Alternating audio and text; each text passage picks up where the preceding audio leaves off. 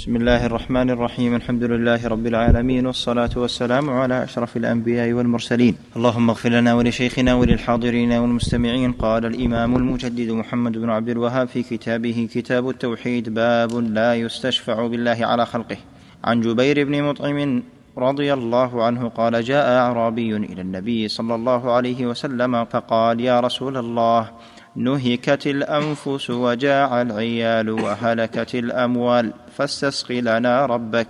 فإنا نستشفع بالله عليك وبك على الله. فقال النبي صلى الله عليه وسلم سبحان الله سبحان الله. فما زال يسبح حتى عرف ذلك في وجوه أصحابه. ثم قال ويحك أتدري ما الله؟ إن شأنه أعظم من ذلك. إنه لا يستشفع بالله على أحد من خلقه. رواه أبو داود. بسم الله الرحمن الرحيم. الحمد لله رب العالمين. صلى الله وسلم وبارك على نبينا محمد وعلى آله وأصحابه أجمعين. أما بعد هذا الباب في بيان الأدب مع الله تبارك وتعالى ولا بد من تعظيمه سبحانه وتعالى وإجلاله ولا يمثل بخلقه. ولهذا قال المؤلف رحمه الله تعالى باب لا يستشفع بالله على خلقه. عن جبير بن مطعم رضي الله عنه قال جاء أعرابي إلى النبي صلى الله عليه وسلم فقال يا رسول الله نهكت الأنفس يعني هلكت وجاء العيال وهلكت الأموال فاستسق لنا ربك فإننا نستشفع بالله عليك وبك على الله. فقال النبي صلى الله عليه وسلم سبحان الله سبحان الله فما زال يسبح حتى عرف ذلك في وجوه أصحابه. ثم قال ويحك أتدري ما الله؟ إن شأن الله أعظم من ذلك. إنه لا يستشفع بالله على أحد من خلقه وذكر الحديث رواه أبو داود. هذا يدل على أن الاستشفاع بالله تعالى على خلقه هذا من الأمور التي تخالف الأدب ومن الأمور المحرمة لأن شأن الله أعظم. فالشافع في الغالب يكون من الصغير إلى الكبير إلى العظيم. فكيف يستشفى بالعظيم عند الصغير؟ ويأمر الكبير يأمر وبالنسبة للبشر ويعطي ويمنع. فالله تعالى أعظم فشأن الله تبارك وتعالى أعظم.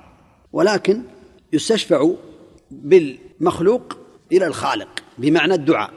الاستشفاع بالرسول صلى الله عليه وسلم في حياته المراد به طلب دعائه عليه الصلاة والسلام وليس خاصا به بل لا بأس بطلب الدعاء من الحي الحاضر القادر الصالح. أما بعد وفاة النبي صلى الله عليه وسلم فلا يطلب منه الدعاء ولا من غيره بل يطلب من الله تبارك وتعالى. فالرسول صلى الله عليه وسلم بعد موته عليه الصلاة والسلام لا تطلب منه الشفاعة ولا الدعاء وإنما يطلب من الله يقول يا الله شفع في رسولك محمد عليه الصلاة والسلام لا بأس. والشفاعة في الحقيقة هي جعل الفرد شفعا وهو التوسط للغير بجلب منفعة أو دفع مضرة. والخلاصة أن الاستشفاع بالله تعالى على خلقه لا يجوز لأنه العظيم ويجب ألا يستشفع بالله تعالى على خلقه لأن رتبة الشافع أقل من رتبة المشفوع عنده وذلك من سوء الأدب مع الله فإن الشفعاء لا يشفعون عنده إلا بإذنه وكلهم يخافونه. فكيف بعكس الأمر؟ أو يعكس الأمر؟ فيجعل هذا هو الشافع وهو الكبير الذي خضعت له الرقاب وذلت له الكائنات بأسرها سبحانه وتعالى. نسأل الله عز وجل لنا ولكم العلم النافع والعمل الصالح التوفيق لما يحب ويرضاه سم أحسن الله إليكم. قال الإمام ابن باز رحمنا الله وإياه في شرحه لهذا الباب. بسم الله الرحمن الرحيم. اللهم صل وسلم على رسول الله. هذا الباب في التحذير من الاستشفاع بالله على خلقه. ذكره المؤلف هنا لأنه من باب كمال التوحيد وكمال الإيمان. وهذا الكتاب ألف في بيان توحيد الله والإخلاص له. وبيان تحريم الشرك وذرائعه ووسائله يعني من البدع والتحذير من المعاصي التي تنقص التوحيد وتنقص ثوابه. وهذا مما ينقص ثواب التوحيد.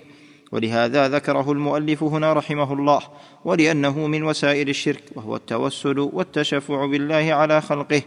لأن شأن الله أعظم من ذلك فلا يستشفع بالله على خلقه فهو سبحانه فوق ذلك وأعظم جل وعلا. ولهذا قال المؤلف باب لا يستشفع بالله على خلقه يعني لا يقول اللهم إني أستشفع بالله عليك.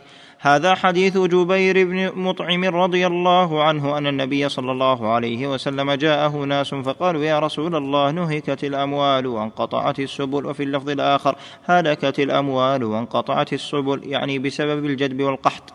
فاستشفع لنا ربك يعني اشفع لنا إلى ربك يسقينا الغيث فإنا نستشفع بالله عليك وبك على الله. فاستنكر هذا عليه الصلاة والسلام وقال سبحان الله سبحان الله شأن الله أعظم من ذلك.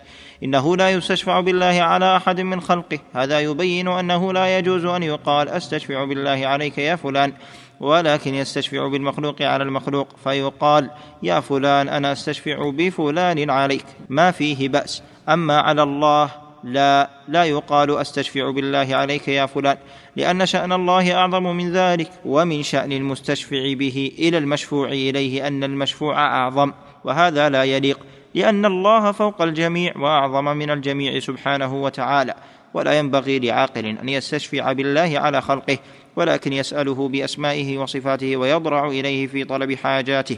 أما المخلوقون فلا يستشفع إليهم بالله وإنما يستشفع إليهم ببعضهم بعضا فيستشفع إليه بأبيه بأخيه بعمه بمن يعز عليه أن يعطيه كذا أو يعينه على كذا أو ما أشبه ذلك. وهذا من عادته صلى الله عليه وسلم إذا سمع ما يكرهه. قال سبحان الله سبحان الله أو الله أكبر الله أكبر. وقد يقول ذلك عند الأمر العظيم أيضا. وهكذا الصحابة رضي الله عنهم وأرضاهم يقولون ذلك. فإنه لما قال بعض الصحابة اجعل لنا ذات أنواط. فقال رسول الله صلى الله عليه وسلم قلتم الذي نفسي بيده كما قال قوم موسى. قالوا يا موسى اجعل لنا إلها كما لهم آلهة. قال إنكم قوم تجهلون. استعظم هذا لأنه من طلب الشرك. فاستعظم هذا وحذرهم منه. بهذا الكلام العظيم الذي يفيد الزجر والتحذير. ثم قال يعني قوله سبحان الله سبحان الله الله أكبر الله أكبر. قد يراد به الزجر والتعظيم وقد يراد به يعني استكبار الأمر وقد يراد به آه، آه، الفرح بما يخبر به. نعم. ثم قال الله أكبر يبين أن هذا الأمر لا يليق. ولما قال النبي صلى الله عليه وسلم إني لارجو أن تكونوا ربع أهل الجنة فكبروا. ثم قال إني لارجو أن تكونوا ثلث أهل الجنة فكبروا. ثم قال إني لارجو أن تكونوا نصف أهل الجنة فكبروا. قال ولا أدري قال الثلثين أم لا. من باب تعظيم هذا الأمر والفرح به والسرور به فهذا التكبير والتعظيم عند ذكر العظيم المحبوب وعند ذكر العظيم المكروه والمنهي عنه. فيقال سبحان الله والله أكبر عند هذا وعند هذا عند المحبوب فرحا به وعند المكروه انكارا له. ومن هذا نستعين بالله على خلقه من باب الإنكار وبيان أنه لا يليق أن يستشفع بالله على أحد من خلقه سبحانه وتعالى. صلى الله عز وجل لنا ولكم العلم النافع العمل الصالح التوفيق لما يحب ويرضاه. صلى الله وسلم وبارك على نبينا محمد وعلى آله وأصحابه أجمعين.